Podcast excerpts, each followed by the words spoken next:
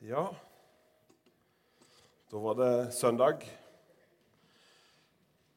Først må jeg få takke for eh, invitasjonen. Jeg tror jeg skal gå bort sånn. Nå er det greit med lette talerstoler. sånn. Um, tusen hjertelig takk for at jeg fikk komme tilbake igjen. Det, Kjersti, kona mi, sa at det er ikke verst at de vil ha deg tilbake igjen. Det, det må være et godt tegn. Så uh, hjertelig takk. Det har vært uh, spesielt bønnedag og bønneuker. Det er sånn som uh, Å kunne ha fokus på det, det er sånn som jeg elsker fremfor alt. For Jeg tror det er en av hovednøklene til at vi skal få se det vi drømmer om, bli en virkelighet. Jeg vet i hvert fall at Hvis ikke vi ber, så blir det iallfall ikke noe som skjer. Så, såpass mye har vi lest vår bibel at det skjønner vi at hvis vi ikke ber, da skjer det fint lite. Og Jakob han sier at eh, dere har ikke, for dere ber ikke. Og Jesus han sier dere, den som ber, han får. Så eh, det er veldig enkelt og greit. Og så er det jeg har sagt disse dagene at bønn er i sitt natur og sitt vesen så enkelt at et barn gjør det og kan gjøre det. Og så er det også så rikt og så stort at vi kan aldri lære det fullt ut, men vi kjenner stadig en bønn i hjertet at Herre, lær oss å be. Eh, jo mer du får smake på det, så er det en verden som åpner seg. og dette med nådens og bønnens ånd, og bønnen griper våre hjerter, og vi kjenner at det, det er samfunnet med Gud som er så rikt og så spennende. Og så er det alltid noe mer som Gud har for oss. Tusen takk for at jeg fikk være med dere, og takk til dere som har sittet og lytta til, og håper at dere har fått noe ut av det. Til dere som ikke har vært der, så jeg heter Birger. Jeg er fra Grimstad opprinnelig, men har bodd mange år alle veier. Så jeg har bodd i Finnmark. Bodd, eh, bor nå på Karmøy. Jeg har vært der siden 2010, så åra går veldig fort. Folk fant deg ut. Det er helt enormt. Nå er det jo snart eh, 2020. Jeg husker vi sto på trappa i Honningsvåg i 1999, altså inngang til 2000. Da trodde vi jo alt skulle gå under. Eh, folk sto på i overgang fra 99 til 2000 og tenkte nå kommer han. Nå, Vi tok på oss finskjorta da og venta at nå kommer Jesus igjen. Og datamaskiner og alt skal bare ramle sammen. Men eh, vi har enda, enda, noen år, og vi har enda fått en tid å arbeide. Og jeg tenker at eh, han er ikke kommet enda, men han kommer snart. Eh, vi ser tiden vi lever i, vi ser alt som skjer rundt oss. Og det er Ja.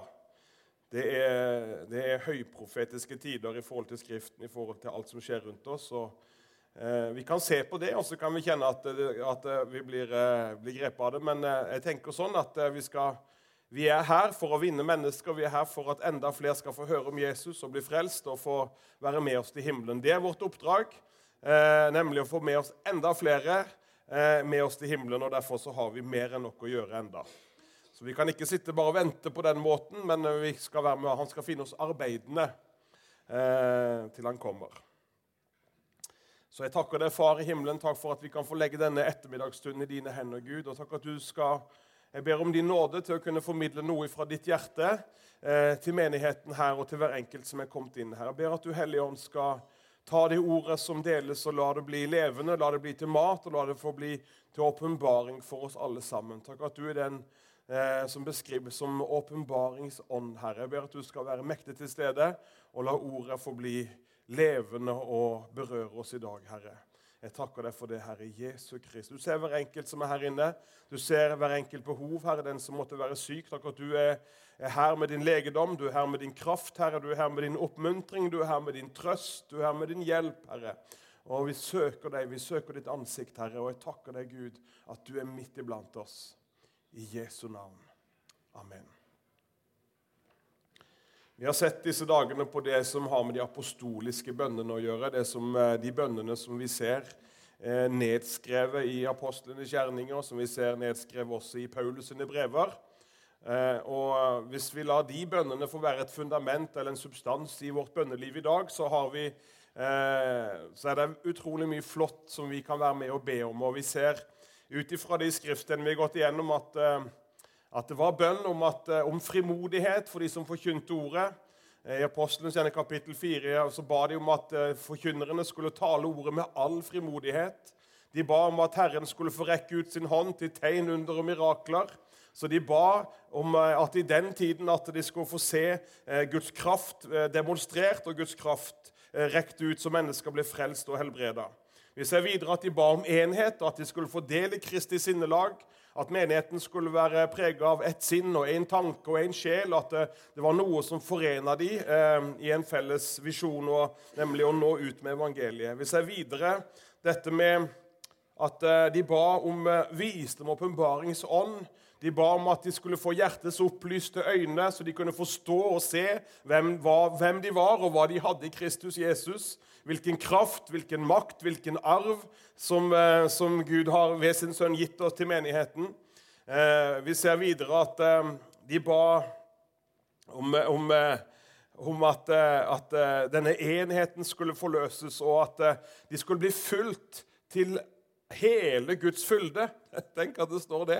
Så de kan bli fulgt til hele Guds fylde. Kapittel 3 Feserbrevet, og så kan vi gå videre. Men det er mange nydelige bønner der som vi kan ta tak i, og som virkelig trengs å be om i dag. Eh, vi skal gå eh, nå i ettermiddag til Lukas evangelium, kapittel 24. Lukas evangelium, kapittel 24.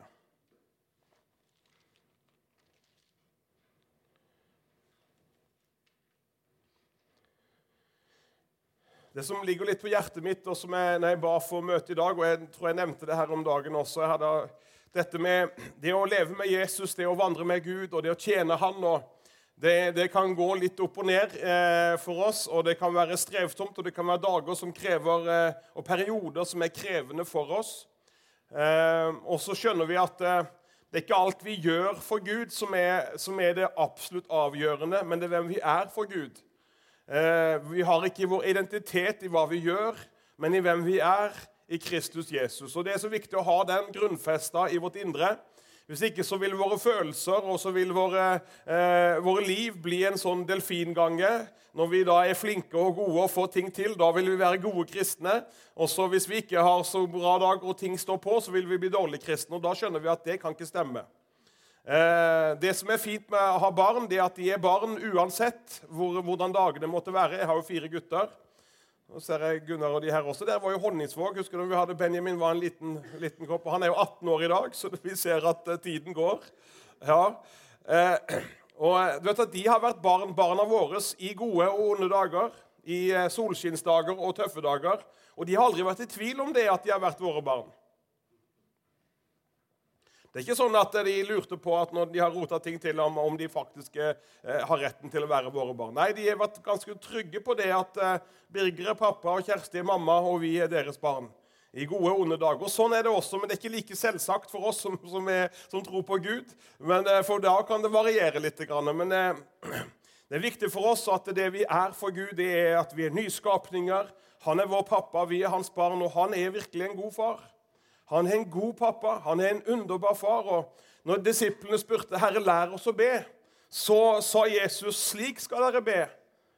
Du, vår far, eller vår far, du som er i himmelen. Fader vår, den gamle oversettelsen. Du, vår far, du som er i himmelen.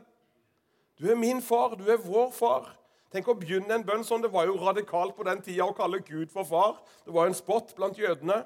Men du vet at vi kan kalle Gud for far. Og Bibelen sier han er den rette far for alt som kalles barn i himmelen og på jorden. Så han er virkelig vår far, og en far representerer trygghet. En far representerer en som tar vare på oss, en som skaper den tryggheten og godheten så vi kan vokse opp. Og han elsker oss, og vi vet at Gud han elsker oss med en evig kjærlighet.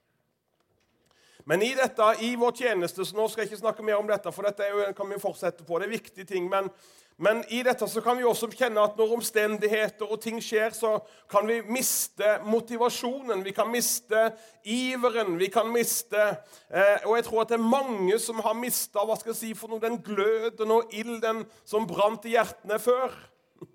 Eh, kanskje det var den nyfrelstperioden. De skulle lese Bibelen på en uke, og de skulle vinne hele Drammen. og de skulle gjøre, vet ikke om dere har opplevd disse menneskene, men det er noe med dette nyfrelste, dette begeistringa, eh, eh, men også som mennesker som har vært brennende og stått i tjeneste i mange år. Og så kommer det situasjoner i livet som møter en, og så blir det vanskelig og tungt. Og egentlig så er den historien her er jo beskrivelse av to disipler som eh, var med Jesus og hadde opplevd å vandre med Jesus og fikk oppleve det som skjedde rundt eh, påsken når Jesus ga sitt liv og døde der. Og Det var mange drømmer, det var mange, eh, det var mange håp som gikk i stykker den tiden der. Selv om Jesus hadde gjort alt han kunne for å forberede sine disipler. Han hadde fortalt i dette her. Men allikevel, når det skjedde, så var det veldig vanskelig for dem å forstå. Og Vi skal lese denne historien. Jeg syns den er utrolig nydelig. Og Vi leser fra vers, kapittel 24 og fra vers 13. Og se, to av dem var samme dag på vei til en by som heter Emmaus. Den ligger 60 stadier fra Jerusalem. De talte med hverandre om alt som var skjedd. Og det skjedde mens de samtalte og drøftet dette, så kom Jesus selv nær til dem og slo følge med dem. Men øynene deres ble holdt igjen, så de ikke kjente ham. Han sa til dem, 'Hva er det dere går og samtaler om på veien?' De sto da stille og så bedrøvet opp. Og Dette er liksom innledningen på historien. og jeg synes denne, Det er jo det er noen ting her som er egentlig er veldig nydelig å tenke på. For det første så har vi to deprimerte disipler. To de, de, de, er, de, er, nedslått, de er bedrøvet over at deres mester, han som de hadde satt sin lit til, han var død. Han hadde, han, eh, de hadde ikke sett dette for seg. Men de hadde kanskje stått der i bakgrunnen og sett at Jesus hang på korset og ga sitt liv. Iallfall så var de bedrøva. Men du vet at eh, bare den tanken om at Jesus utvelger to deprimerte disipler og besøker dem på et spesielt ære, det syns jeg er en flott tanke. Jeg synes Det er nydelig å tenke på at Jesus tar tid til å gå til disse to. Eh, midt i deres sorg, midt i deres bedrøvelse, så kommer Jesus nær til dem. Og Vi har lest disse dagene nå om at han kalles for trøstens gud og håpets gud. Han beskrives som trøstens og håpets gud i Bibelen. Han beskrives på mange ulike navn. Men han er også trøstens og håpets gud. Og Her ser han to av sine disipler som har det vondt og vanskelig, og han kommer nær til dem. Nå skal vi lese videre, for her står det vers 17. Han sa til dem, 'Hva er det dere går og samtaler om på veien?' De sto da stille og så bedrøvet opp. Den ene av dem, som heter Kleopas, sa til ham, 'Er du den eneste av dem som oppholder seg i Jerusalem, som ikke vet hva som er skjedd av disse dagene?' Det var interessant. Ja. 'Er du den eneste som ikke vet hva som har skjedd?' Han sa til dem, 'Hva da?' Jeg, jeg, jeg, er litt humoristisk anlagt, så jeg syns dette er festen. Tenk at Jesus, han, han, han, Hva er det som har skjedd? Hva i all verden er Hva da har skjedd? De sa til ham dette med Jesus fra Nasaret, en mann som var profet, mektig i gjerning og ord for Gud og hele folket, og hvordan våre ypperste prester og rådsherrer overga ham til døds, dødsdom og korsfestet ham. Men vi håpet. Her kommer det 'men vi håpet'. Vi hadde jo håpet på denne mannen. At han var den som skulle forløse Israel. Og nå er det all tredje dagen siden disse tingene skjedde. Men så har også noen av våre kvinner forferdet oss. Tidlig i dag morges var de ute ved graven, men de fant ikke hans legeme. Så kom de og fortalte at de hadde sett et syn av engler som sa at han lever. Noen av dem som var med oss, gikk da til graven. De fant det slik som kvinnen hadde sagt, men han så det ikke. Da sa han til dem, så uforstandige dere er, og så trege i hjertet til å tro alt det som profetene har talt.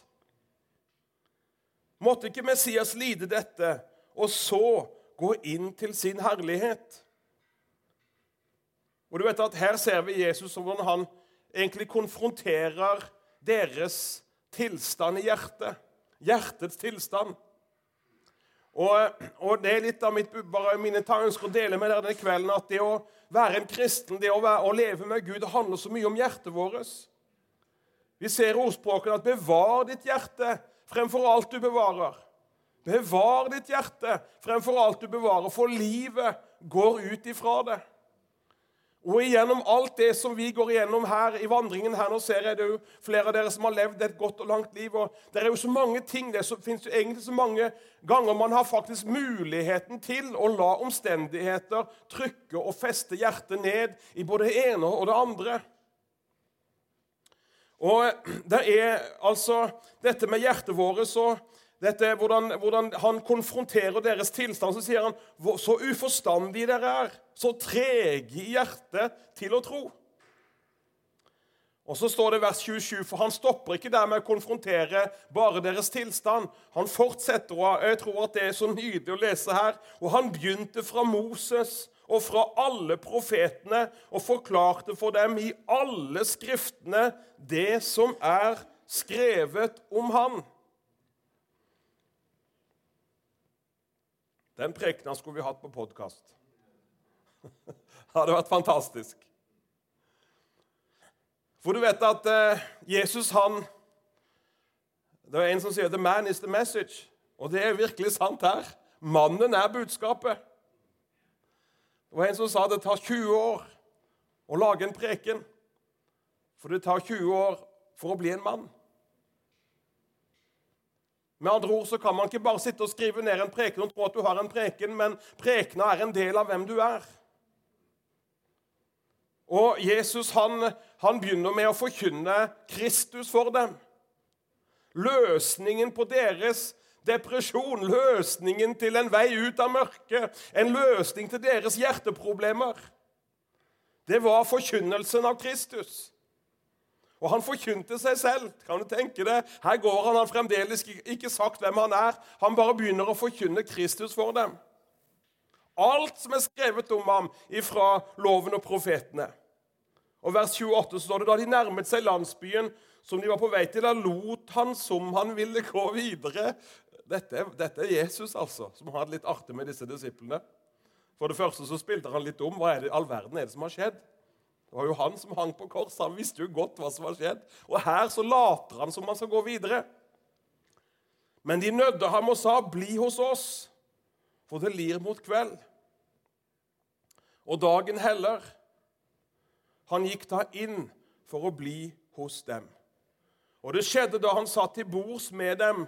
Da tok han brødet. Han ba velsignelsesbønnen og brøt det og ga dem. Da ble øynene deres åpnet og de kjente ham. Da ble øynene deres åpnet, og de kjente ham.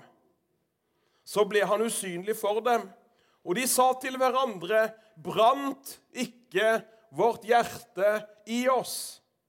Brant ikke vårt hjerte i oss da han talte til oss på veien og åpnet Skriftene for oss? Dette er en veldig kjent historie, men den berører meg igjen allikevel hver gang jeg leser den, for det er så mange aspekter med den. Men i kveld så ønsker jeg å sette et fokus på dette med våre hjerter.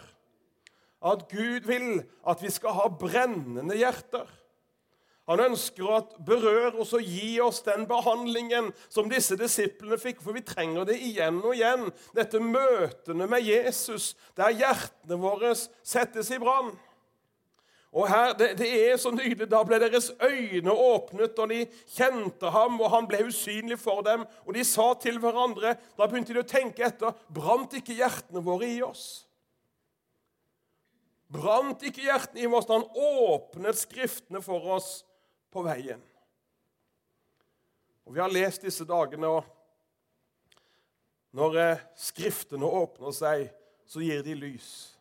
Så gir de innsikt så gir de åpenbaring. Paulus ba for menigheten i Efesus om at de må få visdom og åpenbaringsånd. Visdom og åpenbaringsånd til kunnskap om Gud. Og det er noe her som, er, som kan lære oss noe. Jeg syns igjen at det er nydelig at Jesus kommer nær til disse disiplene.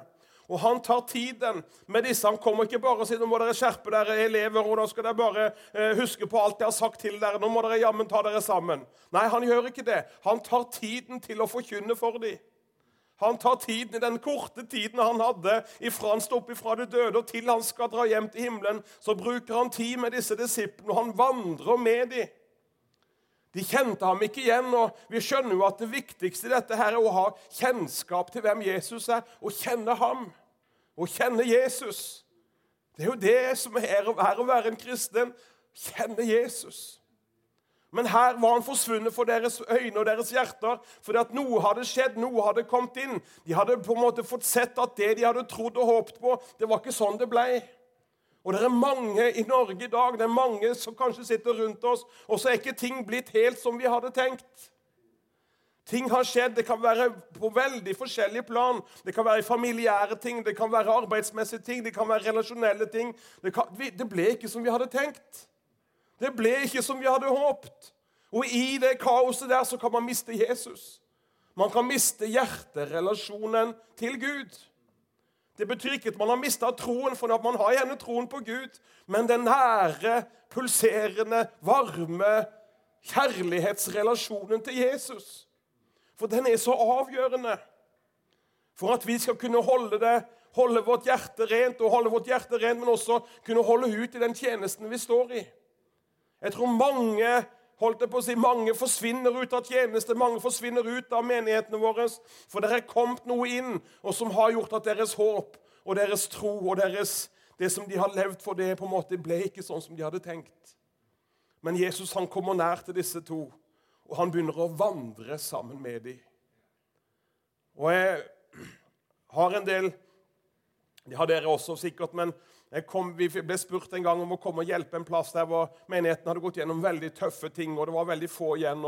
jeg husker jeg kom dit og jeg begynte å prate med mennesker, og de var, de var så fed up, de var så trøtt på det som hadde med menighet å gjøre. De var så trøtt på visjoner. De var så trøtt på flotte ord. Men de, de, jo, de ville jo så gjerne ha Jesus. Men hva med Jesus, da? Jo, vi trenger jo Jesus. Vi, må, vi trenger jo Jesus.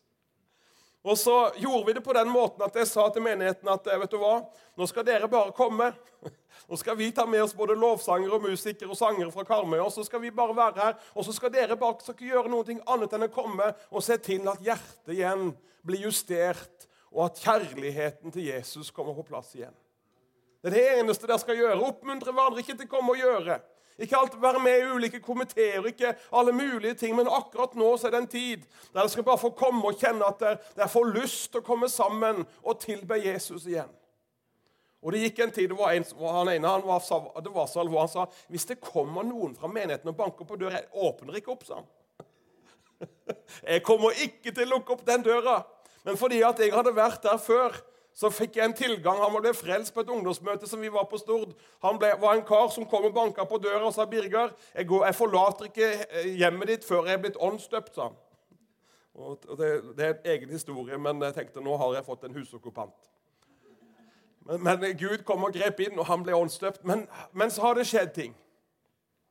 Så det var det en herlig historie. Men greia var at uh, igjen så ser du mennesker som egentlig ønsker å følge Jesus, egentlig ønsker å tjene Jesus og ønsker å være med. Og Her er det, vi, her er det så mange ulike områder. Det kan være familieting, eh, familiære ting som også blir annerledes, og eh, mye vondt og mye smerte som livet medfører. Og så mister man denne nære relasjonen til Jesus. Jesus han tar tak i disiplene, og han vandrer med dem. Og Egentlig så er mitt budskap dette veldig enkelt i kveld, at eh, Jesus han ønsker å vandre med oss ifra depresjon og til brennende hjerter. Ifra kanskje ikke depresjon, men ifra sløvhet og lunkenhet og frafall til et brennende hjerte. Halleluja. Han vil ha brennende hjerter. Om vi er unge eller eldre, uansett hvilken fase i livet vi kan være, måtte befinne oss, så kan det komme ting inn som gjør at vi, vi husker en gang der hjertet brant. Vi husker en tid der våre, våre knær de, de, lærte seg, og de var der i bønn til Gud. Vårt hjerte det var i, i, i, i stadig bønn til Gud, for hjertet brant. Det brant for i kjærligheten til Jesus, og det vil også påvirke vår omgang med mennesker rundt oss. Men så har det kommet ting inn. Så har det skjedd ting. Og så kommer Jesus der. Og jeg, nå, jeg har vært nå, I fjor så fikk jeg besøk av Jeg har reist en del i Midtøsten. Og dette er noe av det sterkeste jeg har fått være med på. eh, egentlig alle de årene jeg har fått være med og tjene Gud. Og vi har starta en bibelskole nede i Amman, og vi har ca. 40 eller 43 eh, eh, fra Irak, fra Syria, som går bibelskole nå. De går tre dager i uka, eller fire, tre dager i uka på bibelskole, fulle dager. Og eh, noen av disse som går der, de går med fare for eget liv. Men bare det å møte mennesker som egentlig har måttet forlate alt De var på mange vis Eh, velstående hadde det de trengte. De opparbeida seg både hus og hjem og, og, og, og eh, mange vanlige, sånn som man gjør rundt forbi. De, mange av disse er irakere. Men så kommer IS inn, og de får 24 timer enten på å konvertere eller å flykte. Og Mange av disse menneskene flykta til Jordan, og de har egentlig ingenting. De måtte flykte fra et par, tok med seg en ryggsekk og måtte flykte for livet sitt. Men de ville ikke gå på kompromiss med troen på Jesus. Så kommer de til der, og så går de nå og så får de mat. Matpose. Flotte mennesker. Og Jeg fikk være med på en matutdeling der og gi disse menneskene mat. Og det var hjerteskjærende eh, på mange vis. Men mange av de har eh, det vi kaller for nominelle kristne. Det betyr at de, de, de, de er vokst opp i en kristen sammenheng, men, men ikke en, nødvendigvis en personlig tro på Jesus på det viset. Men så har de kommet til Jordan, og flere av de kommer da til denne kirka som er i Amman. og de har fått høre om Jesus og fått gitt livet sitt til Jesus. Og den brannen som de er bærer av, og den, den nøden som de har, og den, og den, kjærligheten til Jesus. Og De sier at vi forlot alt. Vi har forlatt alt, men så har vi også funnet alt. Vi har funnet Jesus. Og de takker Gud for at de måtte flykte fra alt det de hadde, for å finne Jesus, virkelig finne han. Og ikke bare finne en religion, ikke bare finne disse ytre tingene. Og Når du står sammen med disse brødrene og, og søstrene og den tilbedelsen som de har til Jesus, så gjør det noe med meg. Men så er det også en druserjente eller dame som er, som er gift, også en, en, jente, en dame fra Syria, som er blitt kristen. Og disse to og ei dame til for vet at De har begynt på Bibelen, de har tatt imot Jesus der i menigheten. Og de har fått beskjed om at hvis, fordi familien vet at de kommer til kirka for å hente mat og for å gjøre noen aktiviteter og forskjellig. Men de har fått beskjed om at hvis dere konverterer, så blir dere drept. Det er det harde bud. Til og med mammaen til hun ene hadde gitt beskjed. Moren sa til dattera si at hvis du konverterer, da blir du drept. Og du vet at Når en mamma kan si til dattera si noe sånt, da er det Det er kraftig kost. Og Så fikk jeg sitte ned og jeg skulle lage et lite intervju med disse to av disse. Eh, som ikke vi kan legge noe på nettet, det for det er jo livsfarlig. Men vi satt og prata med dem, og, og, de fikk fortelle sin historie. Og det er noe av det, det noe av det sterkeste jeg har fått være med på. Hun ene forteller at hun har prøvd å ta livet sitt flere ganger. Hun var så deprimert, hun var, den, hun var så fylt av hat, hun var så fylt av sinne. Men så kom hun dit til kirka, og så fikk hun treffe mennesker som, som elska og bare viste kjærlighet og godhet. Og, og, når de skal komme for mat, så får de være med på en gudstjeneste på en 40 minutter først. Og så får de mat etterpå. Det må alle som kommer for mat, de må komme på en, på en gudstjeneste først. og det er de klar over. Både syrere og, og når syrere er der, så er de jo tildekka fullt tildekka alle sammen. Så du ser jo så vidt øynene på de der. Men så sitter de der, og du ser tårene renne på innsida. Du ser våte øyne som de får høre om Jesus. Men så sitter de og forteller. Og så forteller hun det at eh, så kom hun til kirka, og så fikk hun møte en kjærlighet. Så hun begynte å undersøke mer. Hva er dette for noe? Og så En dag så ga hun livet sitt til Jesus, vel vitende om at hun, hvis hun, de får vite dette, så blir hun drept. Og Så fortell, beskriver hun denne kjærligheten, hvordan Jesus får lov til å fylle hjertet hennes. Og Så får hun begynne på bibelskolen, så får hun en bibel, sin egen bibel. Den må hun holde skjult for mannen sin. Men mannen jobber til klokka 10-11 på kvelden hver dag. Så hun sagt at 'jeg har lest gjennom Bibelen på fem uker'. Så har hun lest gjennom hele Bibelen, for hun måtte, jeg måtte lære å kjenne Jesus. Jeg måtte finne ut hvem han er. Og så sitter de på bibelskolen og, er, sitter der og underviser den gjengen. Det er noe av det mest fantastiske. Og Håkon Fagervik var der hadde en uke også, han sier dette er det sterkeste han har vært med på eh, også i sitt liv. Møte mennesker som sitter der og som elsker Jesus. Vet du hva det gjorde med meg? Jeg husker jeg skulle gå på legg, for jeg skulle sove. Jeg skulle fly hjem. Eh, og så skulle vi få menighetsstor dag, så jeg hoppet for jeg sov, prøvde å sove et par timer. så jeg får i hvert fall få hvile litt. Men jeg kom opp og la meg i senga, så kjente jeg et kropp, jeg skalv. Hele kroppen min rista og skalv etter å ha sittet og prata med disse damene. og fått hørt deres vitnesbyrd, deres erfaring, deres møte med Jesus. Hjertet begynte å brenne. Det brant, det vitnesbyrdet de hadde. Det ene paret som sitter på første benk på bibelskolen, de var fra Irak og muslimer. Hun ene hun, er, hun, er, hun er, gjør rent på, på, på, rommet sitt, og så får hun en åpenbaring. Jesus kommer og besøker henne der på rommet. Hun havner på kne og tar imot Jesus på soverommet sitt. Neste morgen så forteller, hun til, så, så forteller hun til mannen sin hva som har skjedd. Og mannen får se han har fått en ny kone. Og Så kommer mannen til kirka på søndagen etterpå og så sier han det at eh, 'Jeg vil også bli en kristen', sa han. 'Kona mi har sett Jesus, så jeg trenger ikke å se han', sa han. For hun har sett han, og, og, jeg, og, og jeg, ser forskjellen på, på kona mi. Så jeg, jeg, trenger ikke se han, jeg må bare få ta imot han. Kan dere vise meg hvordan? Og så får de føre han til Jesus der. Og så får de døpe. Nettopp hva de får døpt i nede med Jordan. Og så får de lov til å se at nå sitter de der. Egentlig en skare, en flokk på 40 stykker som nå skal begynne på andre semester. Så jeg skal ned igjen om noen uker og undervise videre. En flokk som er så sultne på Guds ord. Som er så sultne til å lære mer om Jesus. Jeg kjente meg rett og slett i det møtet her, så kjente jeg Gud. Rens mitt hjerte. Berør mitt hjerte. La denne brannen som disse en bærer, la meg få en del i det.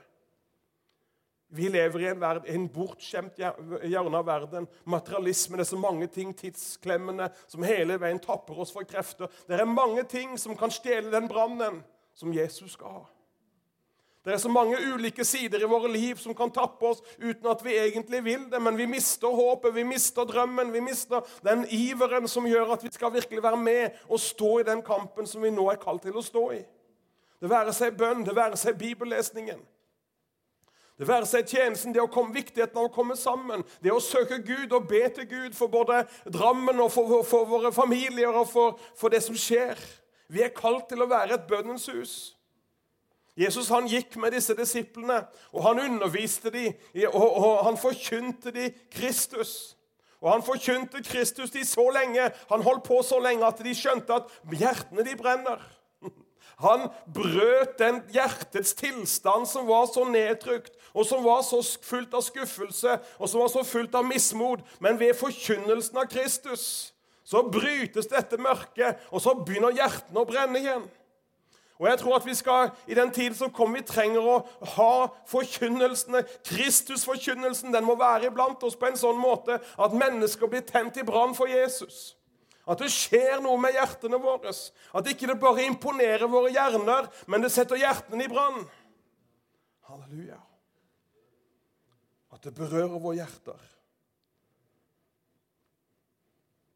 Brant ikke vårt hjerte i oss da han talte til oss på veien og åpnet Skriftene for oss?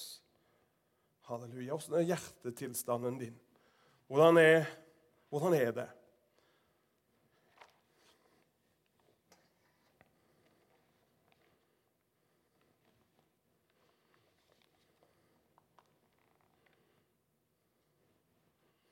Vi skal gå til Kolosserbrevet kapittel 2.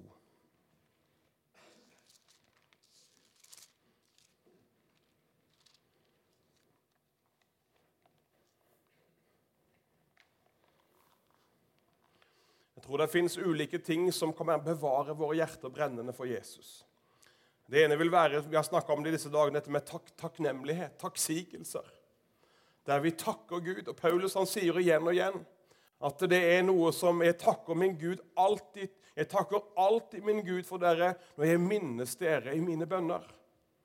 Han var en takknemlig, takknemlig mann. Han takka Gud. Han takka Gud for alle mennesker. Og Det leser du i de ulike brevene igjen og igjen, hvordan takknemligheten var en del av Paulus sitt bønneliv. Og Jeg tror at det er så viktig for oss at vi lærer oss å være takknemlige. Og jeg har sagt at Takknemlige mennesker er nydelige mennesker å være sammen med. Det er jo mennesker som er så takknemlige. De kan takke Gud for alt mulig. om det. Og Hvis man syns det er vanskelig, begynn å takke Gud. Vi er så opptatt av alt som ikke er som det skal være. Men jeg bruker å si om du har vondt i én fot, takk Gud for den foten som virker. Begynn sånn. Istedenfor å ha alt fokus på det som ikke funker, takk Gud for det som virker. Hvis du har vondt i det ene øret, takk Gud for at du har ett øre som virker. Begynn iallfall sånn. Og det vil være med på å lære oss opp til å bli takknemlige.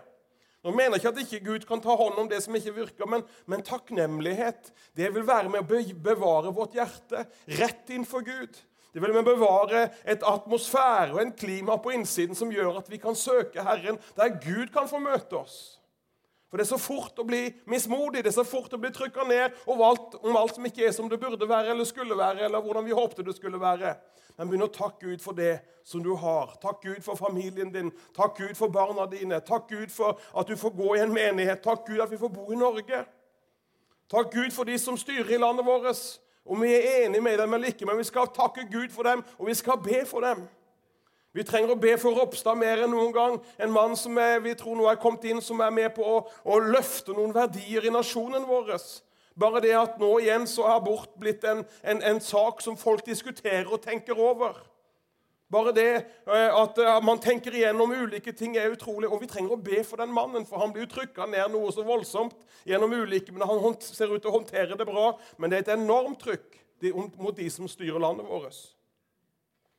Men her så ser vi i Kolosserbrevet Så sier han i vers 6, like, kapittel 2, vers 6.: Like som dere tok imot Kristus Jesus, så vandre i ham. Rotfestet og oppbygget i ham. Halleluja. Slik som dere har lært, rike på takk. Rike på takknemlighet. Er du rik på takk? Er du rik på takknemlighet? Dette har vi mange skriftsteder på i Bibelen, men jeg ønsker bare å dele det med oss. Det at vi skal få være takknemlige. Og Jeg har fått reise litt rundt om i verden, og du vet at mange av dere også er en misjonsmenighet her. Men når du kommer til fattige kår, mennesker som lever i fattige land, til Afrika, som jeg har fått reise en del til, de er så takknemlige. De har så lite, men de har en enorm rikdom. De har en rikdom, for de har fått lære seg å søke Gud. De har fått lære seg å glede seg i Herren. De har fått lære seg å komme sammen. Bare i Norge, sa det her, bare i Norge så bruker vi over 50 milliarder i året på depresjon. Den ene diagnosen koster det norske samfunn 50 milliarder.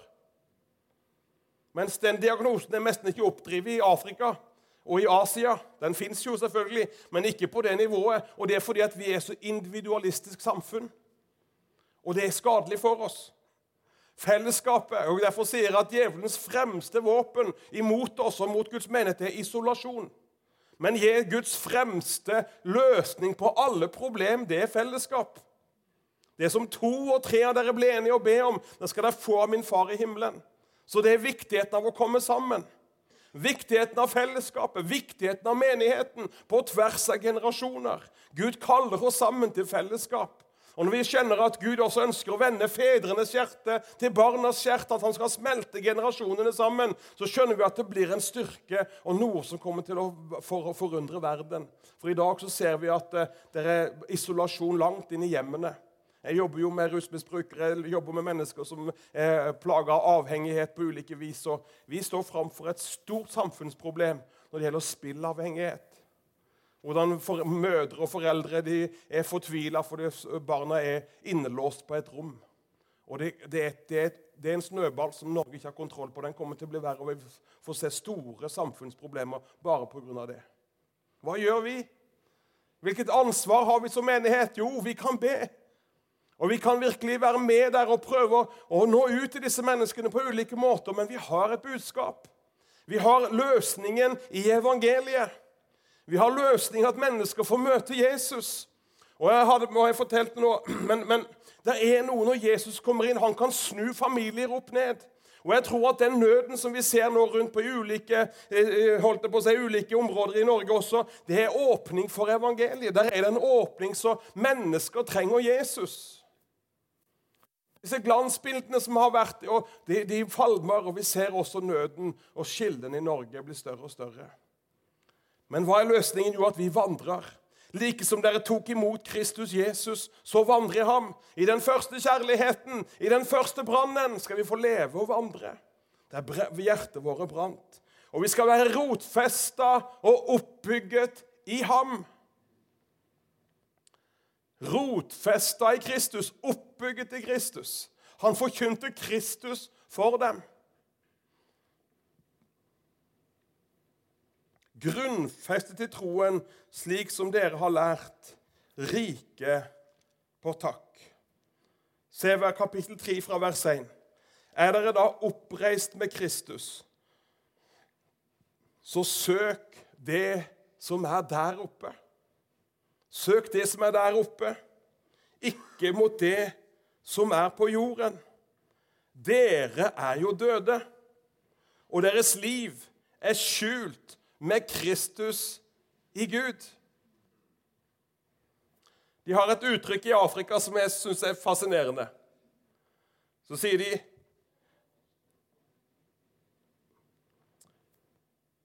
When they're dead, they are really dead. Når de døde, da døde de virkelig. De er virkelig døde. Vi, vi er Ja. Dere er jo døde, sier Bibelen her.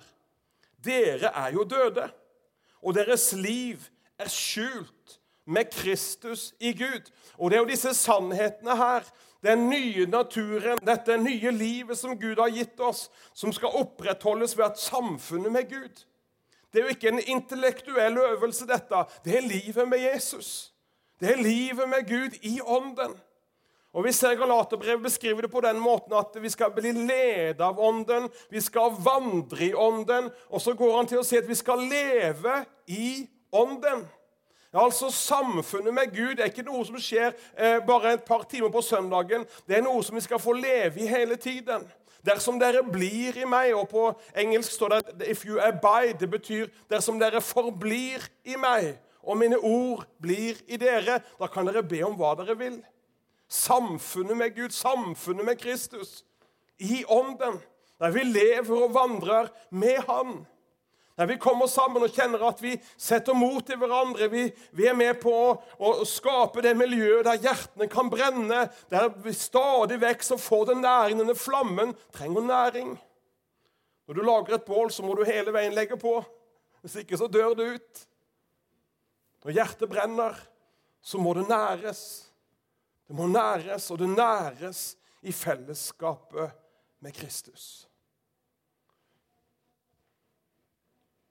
Er dere da reist opp med Kristus, så søk det som er der oppe. Du vet at når Jesus var med disse to disiplene, så konfronterte han hjertets tilstand. Og vi, vi kanskje ikke liker det, å bli konfrontert. Men det kan være godt å stille seg spørsmålet hvordan er vår hjertes tilstand? Er det brennende? Brenner ditt hjerte for Jesus? Det som hjertet er fullt av, det taler munnen, sier Bibelen. Så det fins noen barometere for hva vi brenner om for. Og du vet at Jeg, jeg liker jo fotball, jeg må bare innrømme det. Og, og jeg liker Liverpool. Eh, og du vet at har jeg noen som er enda verre enn meg, som er veldig, veldig brennende i sin, i sin, fotball. De kaller de for fotballfrelst også. Har du hørt det uttrykket? Fotballfrelst? Det, det kan ikke anbefales. Men, eh, men, det er noen som bare prater om dette hele tiden. Og så er det noen som bare prater om det. Det er noe som brenner i hjertet deres. Men vet du at vi skal ha noe som er sterkere. Vi har fått noe som er sterkere. Og det å være sammen med mennesker som elsker Nå er der nede i Amman, de prater bare om Jesus. Det er bare Jesus. Og de spør om Jesus, og de vil kjenne Jesus. Og jeg hører når de prater i lunsjpausen, så prater de om Jesus. Og Jeg hadde undervist en dag på bibelskolen, så fortalte de de hadde sittet sammen tre-fire timer på kvelden for å bare prate om det de hadde hørt. Hjertet vårt Tenk om vi kunne bare ta det ut og så løfte det fram. Og så se på det. Se på de ulike ingrediensene. Se hva som fyller de ulike rommene. Og så kan vi gjøre som vi sang her, for den sangen den utfordrer meg kraftig. Jeg vil gi deg alt. Tenk på den sangen. Den kan vi synge. Nå skal dere få fortsette å synge den, altså. Men tenk på hva du synger. Når du går hjem i kveld, hva har du gitt? Jeg vil gi deg alt. Ta hjertet. hjertet vårt. Ja, Hjertet kan representere det nye mennesket, den nye skapningen, men det kan også representere vårt indre. Hva som fyller vårt indre interesse, tanker, følelser, vårt indre liv. Kan han få det òg? Våre prioriteringer. Kan vi gi han det òg? Kan vi få gi han tiden vår? Fortjener han tiden vår? Ja, nei, det er så travelt. Det er jo så mye ting. Det er jo så mange ting som, eh, som opptar oss, og det å ha småbarn og det å, og, og jobb og, og, alle slags ting. Det er, det er, krevende å navigere. Men kan vi, gi, kan vi gi det også til Gud? Det vil kreve at vi setter oss ned litt. For jeg bruker å si at tiden er en gave fra Gud. Tiden har Gud gitt oss. Og vi er forvaltere av tiden på lik linje som vi er forvaltere av alt annet som han har gitt oss. Og hvorfor skal han få den tiden som er til overs alltid? Eller veldig ofte. Han får ofte det som er til slutt. Og når vi Kjære Jesus Og så, blir, og så sovner vi. Jeg jeg har gjort det sjøl. Jeg, jeg, prøver ikke å gjøre meg noe bedre. Men jeg, jeg, bare sier det at det er en sånn kamp om tiden vår. Det er en sånn kamp om ressursene våre. Det er en sånn kamp om oppmerksomheten vår. Og hvis det kommer litt tøffe tider, så er det første som ofte kan gå på, på, på alteret, det er tiden med Jesus. Hva skjer da? Jo, flammen slokner. Brannen slokner. Betyr ikke at ikke man er frelst, betyr ikke at man, er, at man ikke er Guds barn. Jo da, det er ikke det jeg snakker om. Men han vil komme nær oss igjen. Han ønsker å gå sammen med oss igjen. Han kommer ikke med en dømmende finger. Det kan godt være at han konfronterer hjertets tilstand for å vekke oss opp litt. Men Jesus var ikke der med en pekefingerprek. Nei, han bare sier at eh, så trege hjertet dere til å tro. Men det stoppa, så begynte han ikke å bare fortsette. Nei, da begynte han å forkynne Kristus for dem. For han visste at det går ikke bare an å konfrontere, det går ikke an å bare fortelle dem hvordan, hvordan det skal være, eller hvordan det bør være. Løsningen vil være Kristus. Løsningen er Jesus. Løsningen er å bringe dem tilbake igjen der hjertet får øye på Jesus, der de forstår at Kristus måtte lide, han måtte dø, han måtte stå opp igjen. Og så kunne han få lov til å forkynne Kristus rent og klart. Jeg kan tenke meg han forkynte det som ingen andre har forkynt Kristus. Jeg kan tenke meg det var en preken som gikk rett i hjertet. Som gjorde at de i etterkant satt der. Og det brant. En brann. En Kristusbrann, en Jesusbrann. En brann for å lære å kjenne Gud enda mer. Depresjonen var over. Tungsinnet var over. Håpløsheten var bytta ut med håp. De hadde fått tro igjen på at det som han har fortalt, det som han har sagt, det kommer til å bli en virkelighet. Halleluja. Og Vi skal få se en tid nå, jeg tror vi kommer til å gå inn en tid der mennesker kommer til å ikke sprukes deres krefter på melk og brød, men det kommer en tid også over Norge, før Jesus kommer tilbake igjen, der de vil høre Herrens ord. Der de vil få lære å kjenne Gud. Nå har de prøvd lenge nok, og vi får se mennesker komme. De har prøvd alt. Men nå er det Jesus vi trenger å gi til folket.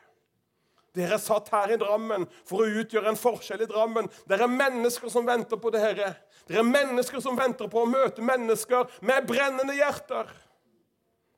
For det å møte mennesker som bare har en slags tro, det vil jo ikke påvirke noen, men et brennende hjerte, det berører. Det åpner oppmerksomheten. Hvorfor er det som gjør at du er sånn? Hvorfor, hvorfor, hvorfor lever du sånn? Hvorfor har du det sånn? Hva er det, hva er det med deg? Og så har vi svaret jo, det er livet med Jesus. Brennende hjerter. Og jeg ber for at dette året vi går inn i, at uh, mitt liv skal få være en flamme, skal få være et lys skal få være noe som berører mennesker. Ikke først og fremst min veltalenhet eller min, min at jeg blir så flott og fin, men det at det er Jesus som skal få komme ut. Kjærligheten til Jesus. At jeg skal få lære meg hva det innebærer å gi han alt. Vi har fått Den hellige ånd. Til slutt skal Vi skal gå til Romerbrevet kapittel 11 helt til slutt.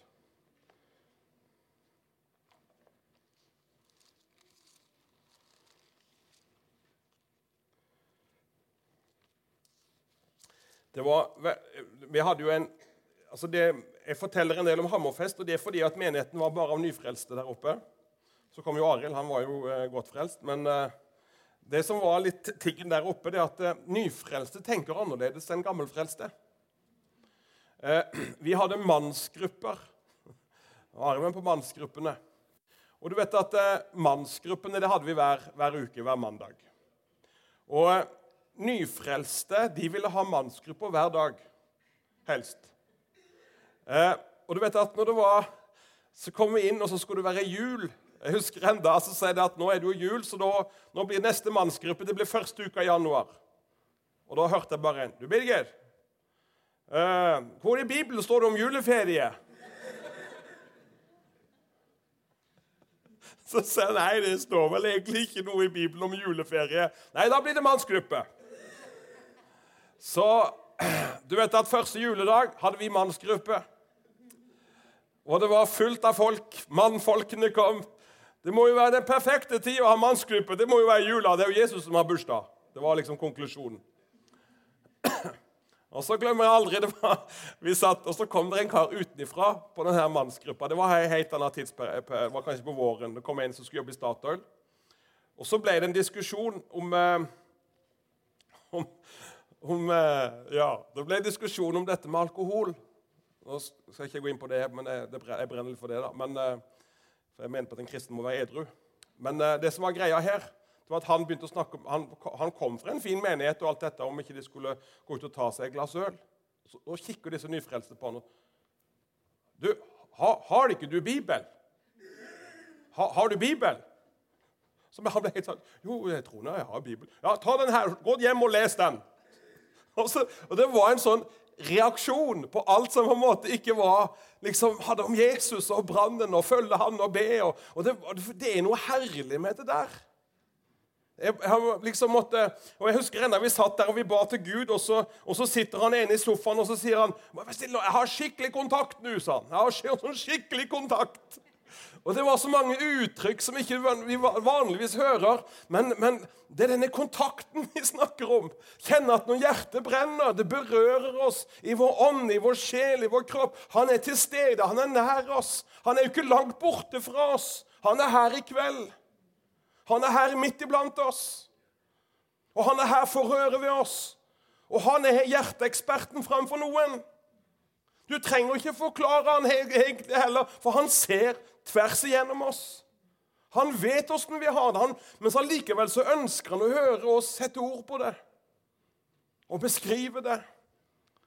Og så skjønner vi når vi leser Bibelen her, så sier han i Romerbrevet kapittel 12 Og dette får være noen sånn siste hilsen til oss alle sammen fra vers 10. Vær varmhjertet mot hverandre i broderkjærlighet. Og Når jeg leser det, så tenker jeg alltid på denne mannsgruppene våre. For den broderkjærligheten var så genuin. Og vi, jeg husker enda vi var på mannstur inn i Finland, Arild, og du var jo med der. Og, og Vi hadde med oss to unggutter som var, hadde vært ligget i overdose på sykehuset, og som vi tok med oss der. og Disse store mannfolkene som var blitt frelst, de, de bare elska de og omfavna de. Og, og, Jeg husker enda hvordan de, vi satt og ba til Gud på kveldene der, og Guds ånd, og de ble åndsdøpt, og det brant, og de priste Gud. og Det var litt av noen karer. Og Så kommer disse to ungguttene inn. De ville jo egentlig ikke på møter. Men så kommer de inn og så legger de hendene på dem, og så knekker de sammen der på en lørdagskveld. Han ene gutten hadde ligget i overdose. og når han, skulle, han måtte ha politi eh, politi, Når han skulle møte barnevernet, så måtte han ha politi til stede, for han, han eh, utagerte så ofte. Her så havner han på kne, og så gråter han. Han ligger der og gråter og møter Jesus på kvelden. Neste morgen Onsdagen lå han i overdose på sykehuset. På torsdagen var han med oss på tur til Finland. På lørdagen lå han på kne og ropte på Jesus. På søndag formiddag var han med i pinsemenigheten i Ivoll og ba for de gamle damene. Jeg mener Det er litt av en forskjell på, på, på, på noen få dager. Og han er med og ber for disse gamle tantene som kommer fram, og disse ulike folkene der. Og Jeg, jeg, sto, jeg tørka på tårer, for det, det var så sterkt å se. Det var en sånn forandring. Det var en sånn total forandring i løpet av noen timer. For Jesus hadde fått tak i hjertet hans. Og Så kommer han hjem på mandagen, og han går på tirsdagen og besøker hun, kontakten sin på sosialkontoret igjen. Og så ringer de. Hva i all verden har dere gjort med disse guttene? Har dere gjort med disse gutta? Nei, vi har vel egentlig ikke gjort så mye, men det er Jesus som har tatt tak i dem. Så kommer de og ber om tilgivelse for alle utageringer. Og ber de om unnskyldning for alle stygge ord. Og så ber de om unnskyldning for at de har oppført seg som noen, som noen uh, tullebukker der igjen, gjentatte ganger. Og så sitter hun der og bare tårene triller. Hva har dere gjort med dem?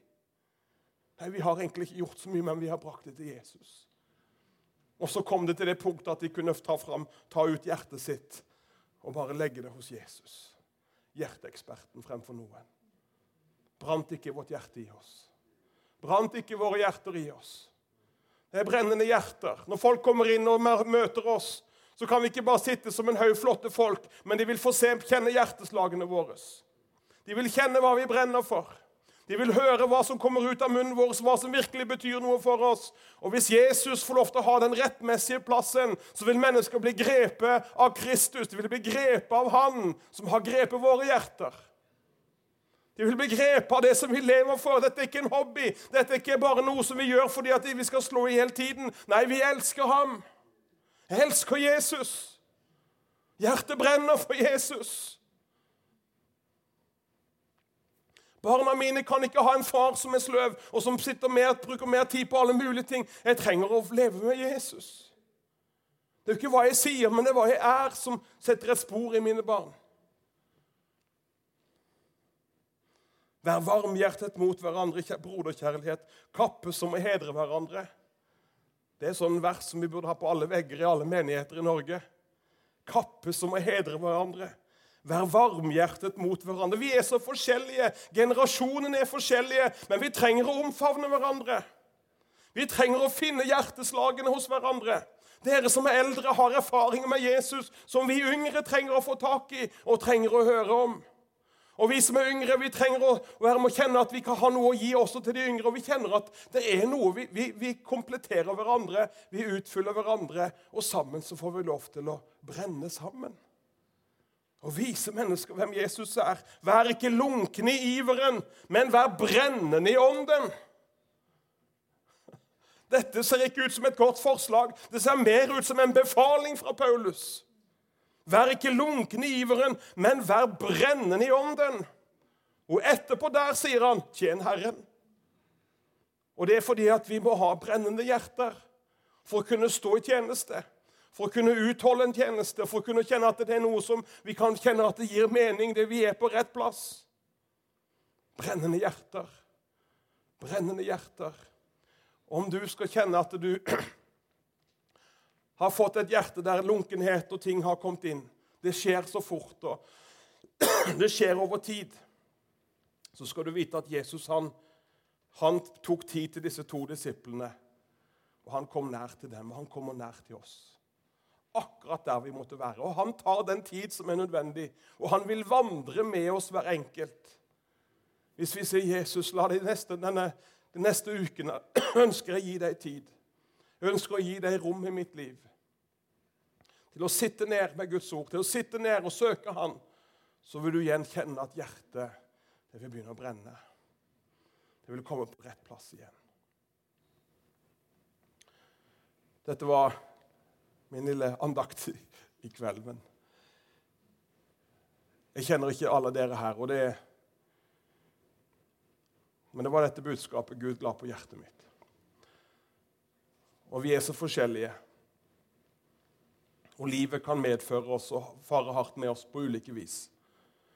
Eller det kan bare rett og slett være at vi har bare glidd bort. På engelsk heter det Vi sier jo 'frafallen', men det, det er et veldig dramatisk ord. På engelsk heter det 'backsliding'. Det betyr at vi, vi glir, vi sklir bort. Det er ikke, noe, det er ikke noe som, det er ikke liksom mørkt, svart og hvitt. Det er noe som Vi kommer i en slags gråsone. Og, vi har, ja, og Hvis noen spør deg om du tror på Gud, så sier du ja, men det brenner ikke. Så hvis vi bare bøyer hodene alle sammen, så er det du og Jesus nå.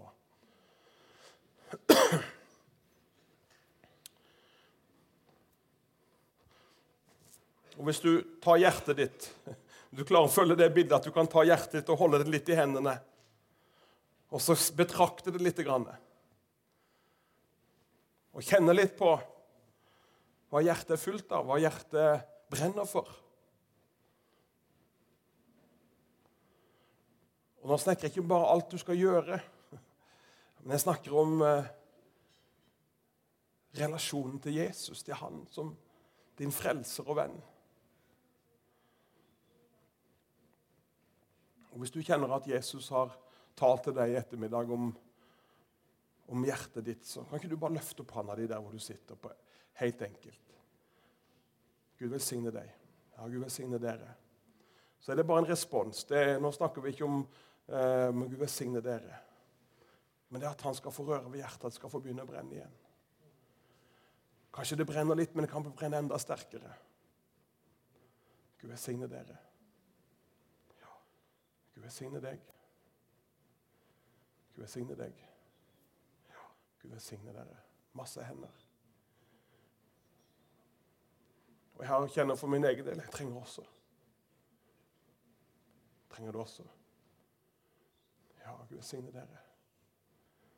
Kan vi ikke reise oss inn for Guds trone? Det er en hellig stund, noen minutter nå. Kanskje du kan spille litt.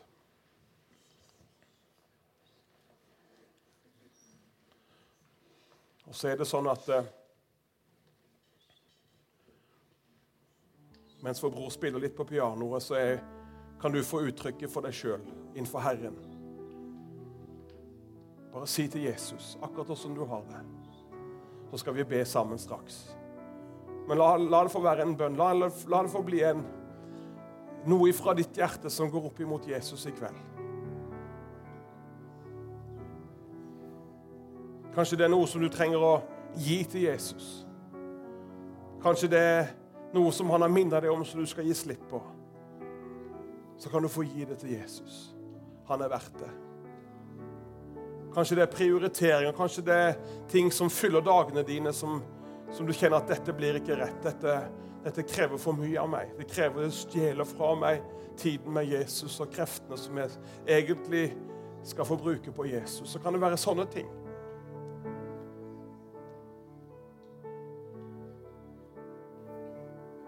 Så er Jesus her i kveld. Han er her, og han er hjerteeksperten. Han er hjertespesialisten.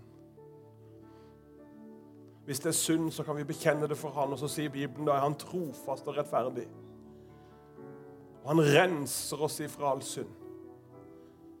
Han renser oss ifra synd. Han renser våre hjerter. Han renser vårt indre. Han renser våre liv. Halleluja så kommer han med sin gode Hellige Ånd. Og så vil han antenne våre hjerter igjen. Og Jeg bare takker deg, Far i himmelen, for hver enkelt som er her inne i ettermiddag. Du kjenner oss alle sammen her, og du vet akkurat hvordan vi har det hver enkelt. Hvilken livssituasjon vi måtte være i. Men jeg kjenner akkurat nå at det er noen her som kjenner seg ensomme. Kanskje du er godt voksen, kommet opp i årene, og du kjenner på en ensomhet som er, som er vond. og Vet du hva? Jesus kommer til å røre ved ditt hjerte også. Og du skal vite at Gud har bruk for deg. Ønsker å bruke deg i sin tjeneste. Han skal bruke deg i forbønner i bønner for de hellige og for menigheten og for den oppkommende generasjon. Og du skal vite at uh, han vil koble deg sammen med mennesker også og bryte ensomheten og fylle hjertet ditt, og at hjertet begynner å brenne igjen. Du kjenner kanskje at du har vært at det er ting som har gjort at man, man blir fort negativ og man blir fort mismodig. Men, men vet du hva? Jesus ønsker å justere våre hjerter igjen i dag.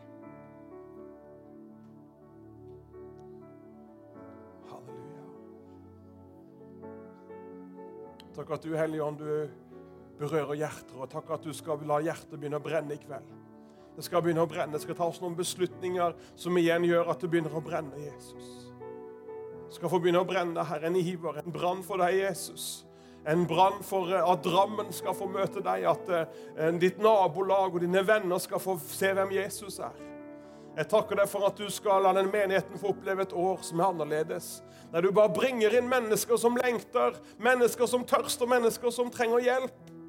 Og så vil det være noe her. det vil være noe, Denne brannen vil dra mennesker som fryser, mennesker som har det er ute i kulden. De vil komme nær for å varme seg, for å kjenne på hva er det som er her.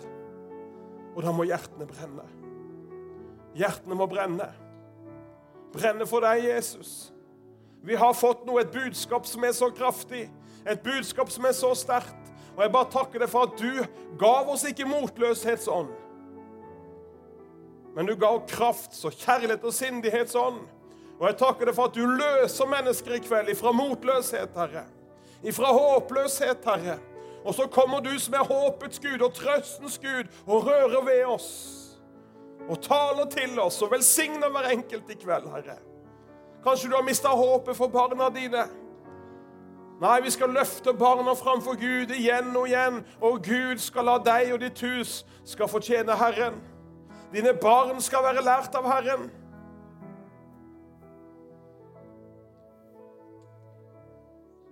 Takk, Jesus, for at du skal overøse menigheten med nådens og bønnens ånd. Nådens og bønnens ånd.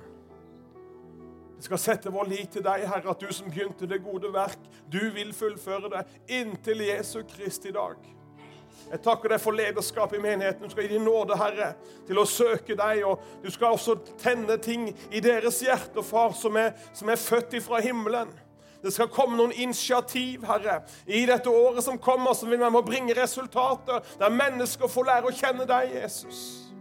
Og du skal reise opp forbedre i alle generasjoner som står på muren, og som søker deg, Gud, og ber til deg, Herre. Og som vil holde dette arbeidet oppe. For det skjer ikke ved her, det skjer ikke ved makt, men det skjer ved Den hellige ånd. Og jeg takker deg, Herre, for at du er den som vi setter vår lit til. Men jeg ber om hjertene i kveld, Herre. Jeg ber for hjertene i kveld. Det skal brenne i hjertene. Noen får kjenne at det begynner å brenne allerede nå.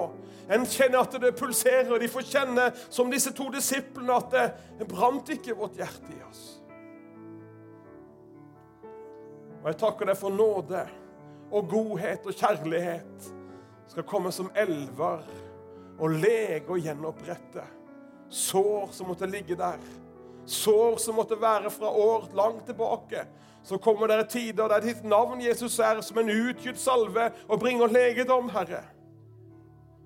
Noen kjenner på skuffelser. Skuffelser som eh, For ting er ikke blitt som vi håpte, ting er ikke blitt som vi trodde. Men takk at du også leger skuffelse, Herre.